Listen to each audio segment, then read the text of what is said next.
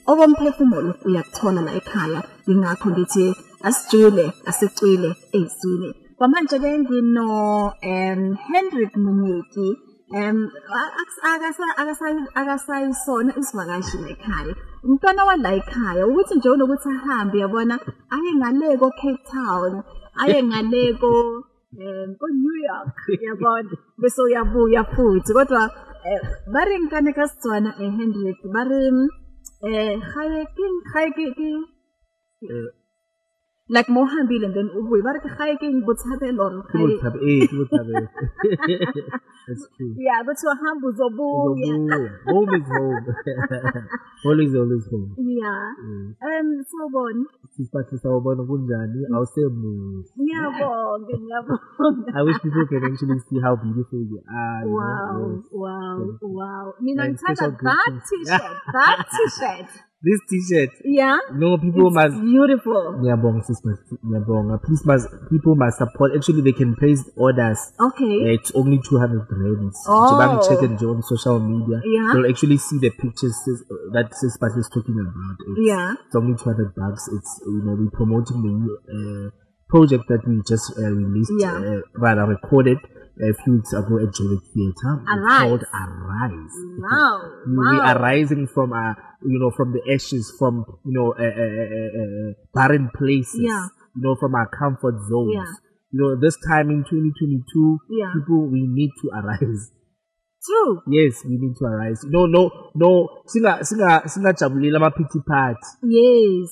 Shem. Uh-huh. Yazin. Yeah. If they can do it, you can also do it too. Ephesians yeah. 3:20 Now unto him who is able to do exceedingly abundantly above all that we could ask or uh, according to the power yeah. that is within us. We got the power. You got you got the power. You got what it takes. That's the spirit okumele sihambe ngaso kulonyaka ka2022. Ngicela ubabingelele ekhaya. Eh dumelang bahaitso, dumelang uh, from wherever in the world where you listening. I'm quite aware that uh, radio pulpit has no boundaries. Yes. yes. Everybody is actually anyone actually can actually uh, hear the yeah.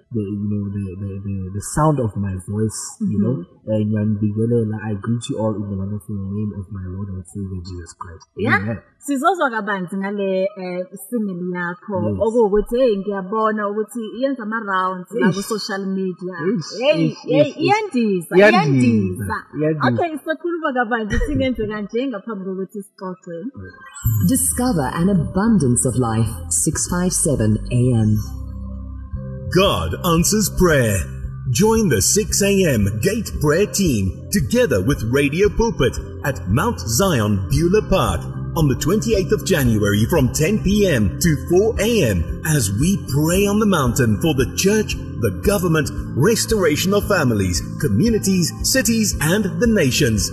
For more information, contact us on 012 334 1200 The fervent prayer of the righteous man availeth much.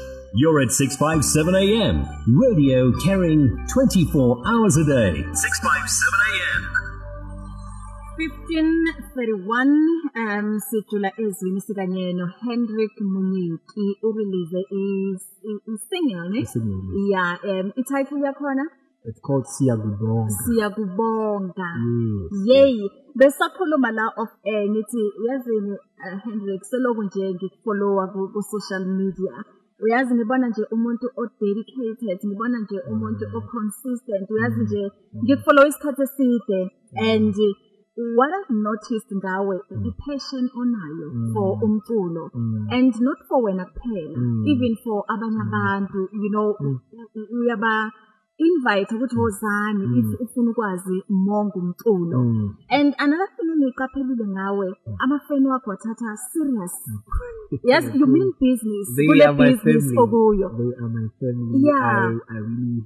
i don't take light yeah. you know that they connect all the time when i ask them to connect yes. even now i know some of them are actually listening if they don't have other prayer you know uh, commitments yeah. but i know a, a lot of people are actually watching and they couldn't they they, they won't even um, wait. They can't wait to actually yeah. uh, listen to the podcast or in some in the live yeah. that we are taking as well. So mm. I really take them as my family because that's my support structure. Yeah. These are the people that we're actually making music for. So mm. why should we not really take uh, them uh, serious? Them serious? Yes. Because as we're not doing this for ourselves, we, are hmm. mm. doing this for the people of God. yeah. Know? uh, we're serving them in a, in a nutshell. You know, in social media, it's one of the platforms. Yeah. Oh, I don't really have to have a church to, yeah. to preach or, or to anything. To spread the, to spread the word of yes. God. Mm-hmm. But I find social media as one of the, you know, platforms that one uses so faithfully to actually share the message across.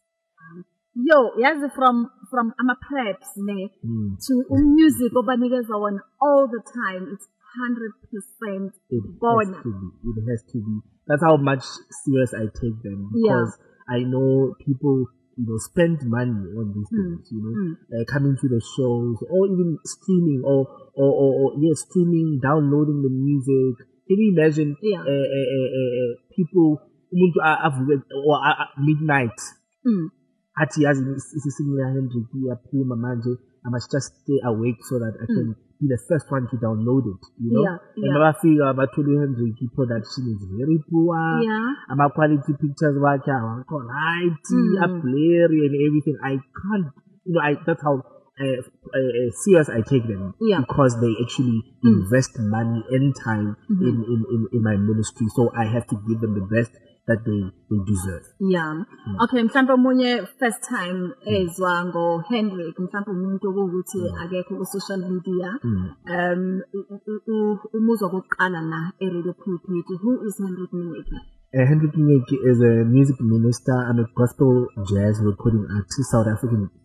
uh, recording artist. Mm -hmm. I'm a songwriter, I'm a producer, I'm a music Um, um, facilitator.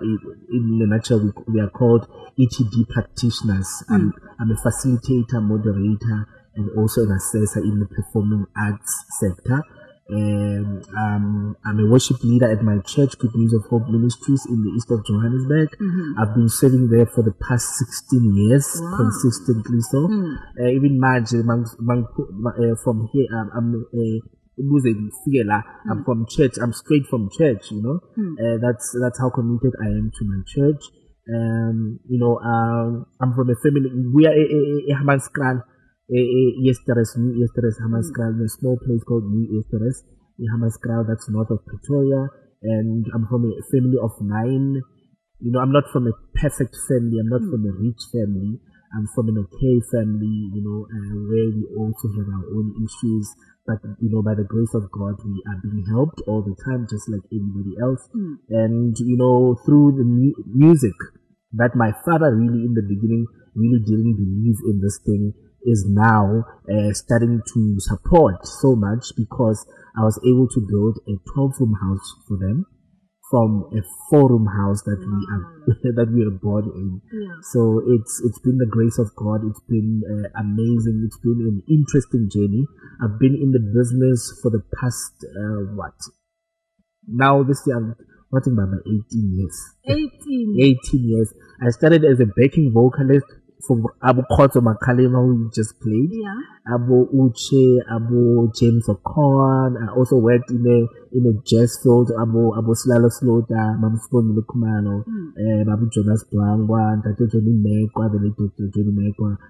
and the, the list goes on and on and on. So until I decided mm. um, six years ago that I'm going to go solo and start recording my own um, projects. Yeah. From being a backing vocalist into being a solo artist. So uh, it's been six years consistently so. Mm. Yeah. So when uh, when did you first realize the attraction towards Nkulu?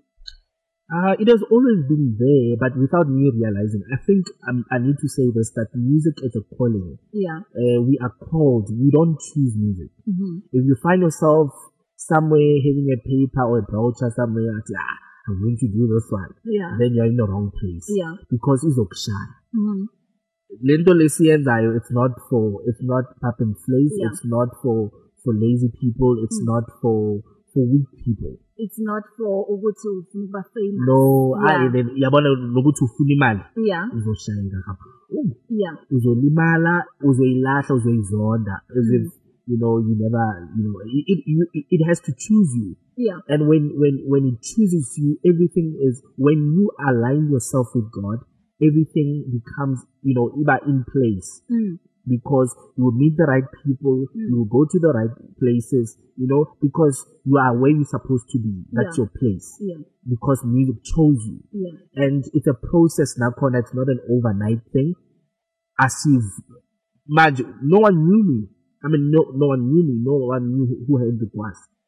But I had to weigh my way, my way up.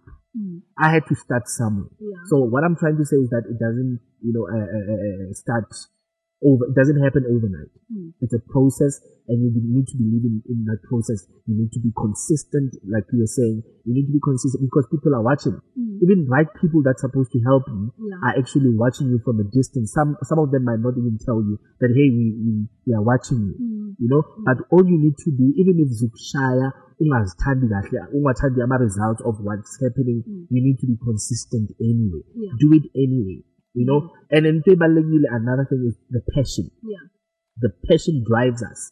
You know, because years of music saying, I mean, at the school that I'm working at, I'm, I'm working at the Music Academy of Gauteng, I'm a teacher And I, we help people, eh, you know, young people who, uh, even elder people, elderly people, some of them are actually from a poor background. Yeah. They can't afford to pay the fees. Mm. You know, as a result, if the, the, the students can't pay, it means I can't be paid. Mm. you know, mm. so uma uvuka ekuseni uvuka kwakho you must have something that wakes you up because there's no money yeah. that actually encourages you to go there. Mm. You see, mm. so if you don't have the passion, you won't go. Yeah. You will just throw in the towel and say, ah, why should I go there? Why should I help those people? Mm. But it is the student that wakes that encourages you know that makes me wake up in the morning to hmm. say i need to go to that place and help somebody yeah. they you know their success their success become my fulfillment mm. with mangimbono umuntu avele tvini athi I've, I've recorded my single or I've done this I've done that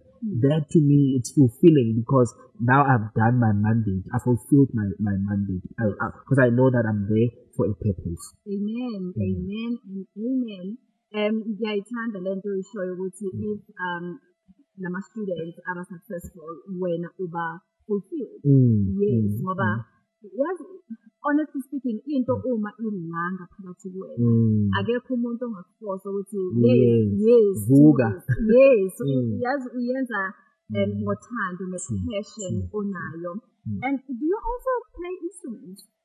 Uh, I coach instruments. Okay. Just a little bit. I have I have knowledge of a lot of instruments. Okay. It means if a student come to me, maybe he's a saxophone player, mm. I'll then have a, a, a way of helping the student. Yeah. But I'm not a maestro. I won't say I can play that, I can play that. But I have knowledge. I'm not clueless about anything really. So I also make sure that because I'm a teacher, I have to know these things. You know, I mean, how can a blind man lead another blind man? so you need to have knowledge about these things. If they have questions, you know, uh, they if they come to you, you must be cleared up. Yeah. Oh, I forgot I have insayobhela. Yeah. You know that it demeans you. Yeah. Umntanakubhela ukuthi halo uthathabathatha. You know? Yeah. Yeah, so you need to be ready all the time. So I'm really clued up with a lot of instruments. because uh, our school actually uh, we deal we specialize in brass mm. but we also have rhythm section like piano drums mm. guitar and so forth and singing so i'm and i'm the one to, uh, you know teaching uh, uh, uh, voice yeah. so so i'm clued up with a lot of instruments talking ngama-voice so hmm. mhlampe umuntu oyifanela nami akwazi ukucula um uyafika lapha kumina uthi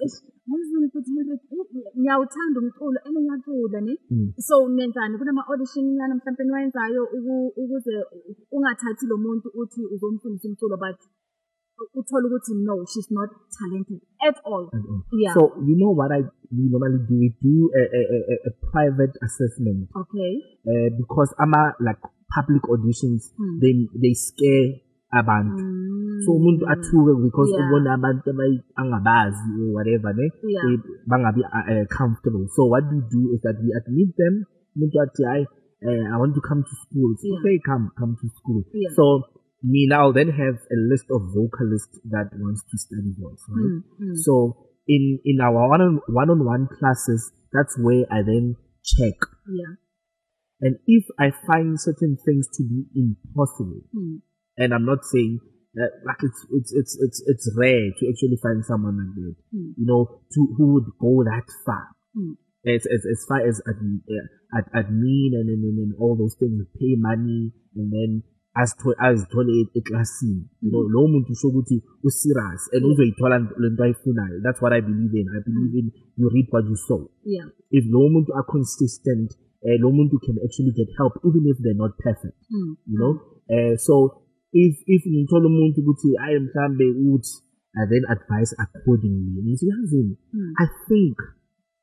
we can try one two three yeah. and nakhona i can all i can eh, only, only decide on that uh, way forward if I've tried and ngahluleka mina. Yeah, okay. I'll then say, you know what, I mm. think the best place ne what is it that you are actually passionate about again? Mm. And lo muntu ngizom observe closely and then uh, and then I advise accordingly. Mhlambe it can be piano. Mm -hmm. Most of them uthola ukuthi unothando lo music. Yeah. But Uh, of singing, né? Mm-hmm. But they actually can play piano or play guitar. Yeah. Or can be uh, in, in, in, in, in, in, in, uh, production or something. Mm. So you check for such signs as you assess them. Mm-hmm. Yeah. Mm. Yazi oh, nginokuyibuza ne ukuthi mm. um,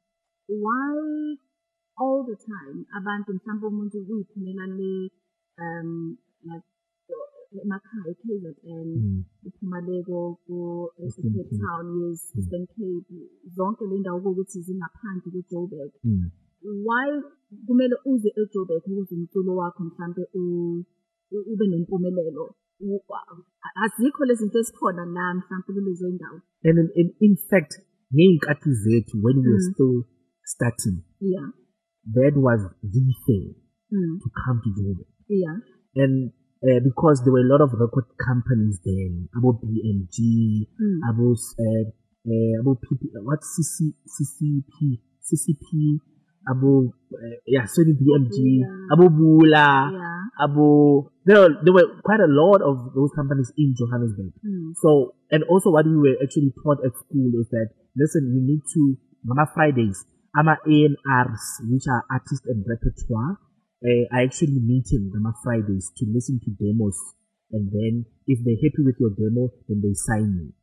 So it was lento leyo ukuthi uh, eh, I have to record my demo and go to Joburg and drop ama-demos wami e-BMG or ebula, eh, you know.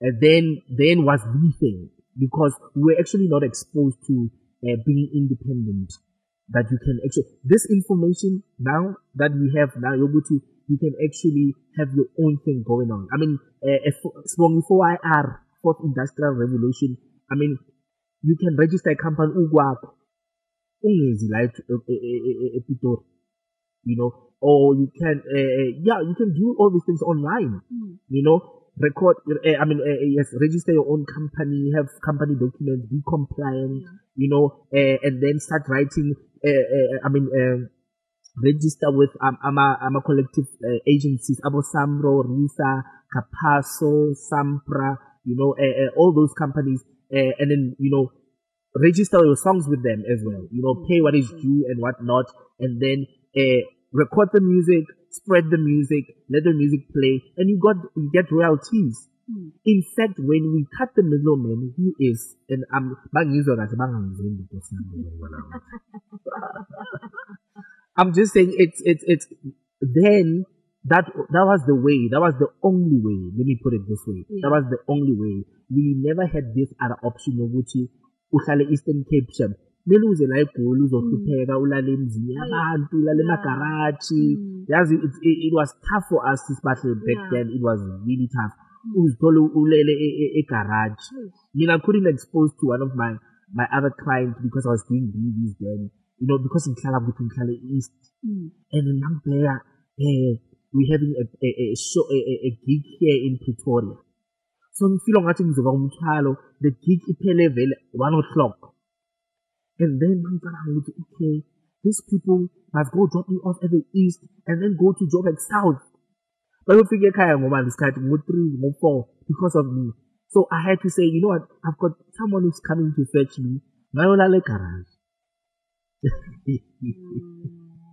oh, you know, it's been yeah. Mm. tough. It's it's one yeah. of those things mm. because mm. that's how you lose jobs. They will tell you, ah, no, mthwalo, no, yeah. yeah. you know. So mm. you have to, you know, preserve what you have. That's one of the things that you know. So that I, because I want this job, I wouldn't mm. disclose that actually, um, um, um,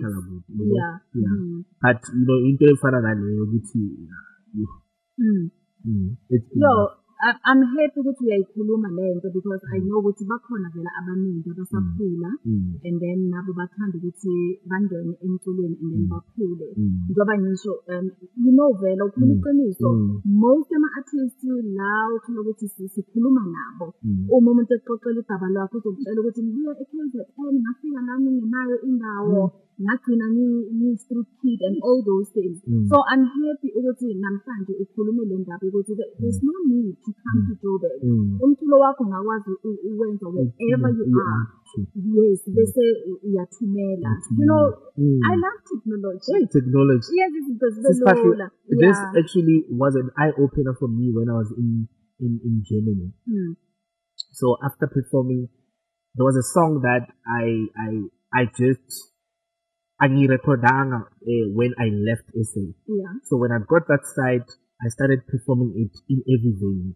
So the feedback, it's the, the reception I saw from the people that made me think, you know what, I need to record this, this thing. And about to, after the show, they will come to me, where can we get this, this song? Can we get it on Spotify? What?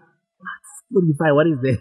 You know, for me, when I asked, Spotify by yeah. then, you know? So Pangsuja like I you know what? I need to record this song. I need to put it on Spotify. Yeah. That was the first thing I wanted this song to be. Yeah. Uh, uh, to be so and and from there I I just made sure that my my my my digital platforms are always on point. Yeah. You know my my my my YouTube channel. I, I you know uh, do videos proper videos because you know, it, that's where people are actually watching and buying into mm. either we like this Hendrick guy or we don't actually like this Hendrick guy. Yeah. Because now they are visuals there, they can actually see. You see, mm. so things like YouTube channel, like your social media platforms, like your Facebook, Instagram, and all that, the pictures that you are sharing, and this is an advice to an up, uh, up and coming artist, yeah. do not just share anything. Mm. If people are, are, want to give you a job, mm-hmm. they go there. Yeah they check them. If you posting funny things there, if you're posting you, uh, uh, you know, smoking and, and, and, and, all these things that you encounter, you might consider as fun, as nice mm. things to you, mm. but to uh, in a professional way environment, it's yeah. Mm. actually not suitable for for that company. So they, they wouldn't give you a job simply because when you posted something that's not you know appropriate. Mm. mm. So you need to be careful what you're posting on social media. Yeah post, you know, proper pictures, get a photographer. I have my own photo- photographer. Shout out to Sam Mokalapa. He's my photographer. He's actually here in studio. Shout out yeah. to him. He's doing a great job with me. And, you know, because that's how, how serious I take my, mm-hmm.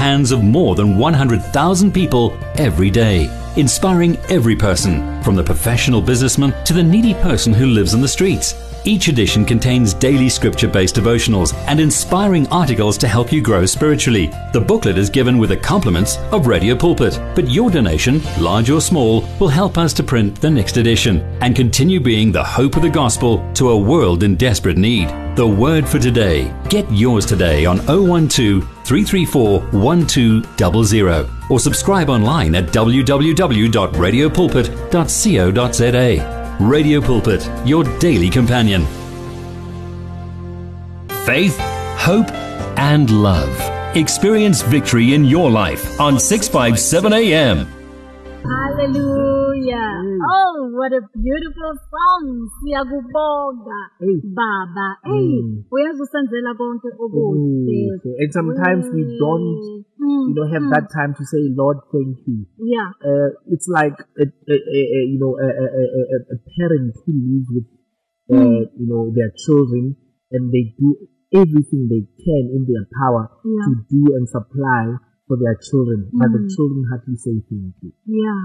You know, yeah. I, I, think we need to take that little moment sometimes and say, Lord, thank you. Yes. Ukukuseni nje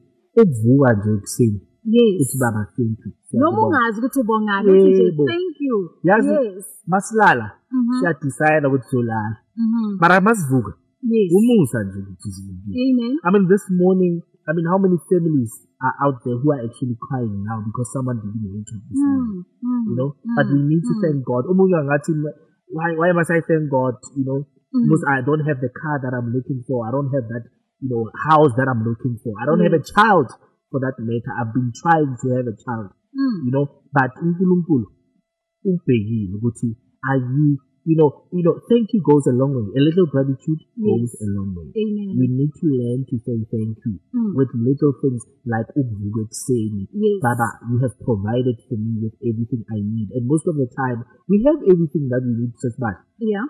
The problem is the wants. Yes. We need, we have the clothes, but we need particular brand of clothes. Mm-hmm. We need, we have shelter, but we need to, to stay in a certain place. Mm. We literally have everything we need. We have shelter, we have food, we have but the problem sifuna amagama. Sifuna yabo for the fact for the fact ukuthi anginagama elithize you know yeah. impathe ethile you know of mm. a certain brand mm. then I'm starting to stress. I'm starting to compare my life with my neighbors or with my friends or with whatever. The problem ilindaba ilindaba yokuthi we are comparing ourselves yes. with other people. Mm -hmm. What else God has given mm. everything we need. Mm. But because of the want. Yes. We want because my neighbor has,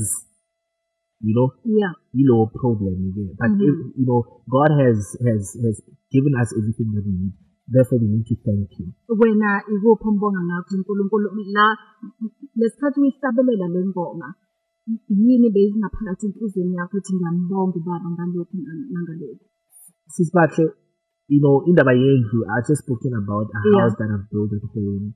It looked impossible in the beginning because I had a lot of things that I wanted to do Nami as a young person. Mm. You know, one of the pressure which oh, you I need to achieve this, I need to achieve this, you know. But in God's time, you know, Bone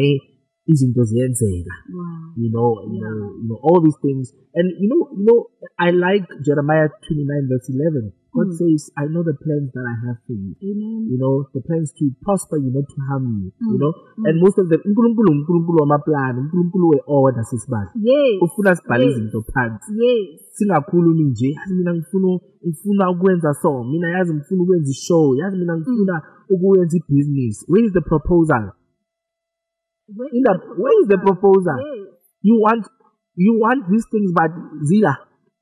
Yeah. Habakkuk Write your vision down. Mm. That's how God works. Yes. You'll have learned that, that God works in ebhaliwe. Mhm. Wa wabhala phansi. Wayikhuluma. Yeah. Watch. Yes. Ubhale have a diary or whatever that a journal whatever you might call it. And believe. And believe. Yes. Yazi ukukhuluma enye into that's it. You know what God said to me? Athi yazi you are praying. Mm. I will not answer because I've already answered. Yes.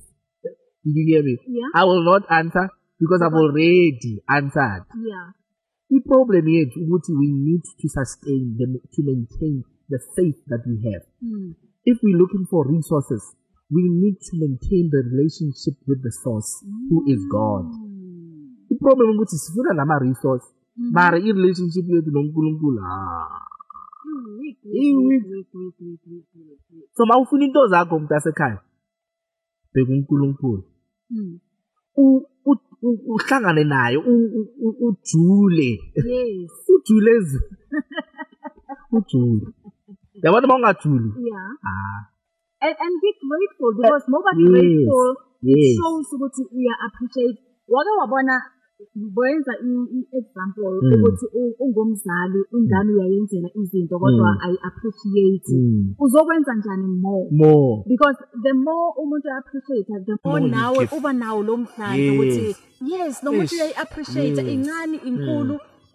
you know even those that you haven't asked for uyamenzela kuyabona abazali bayenza kanjalo when you momchazile who's yeah. Analentolo that you didn't even ask for?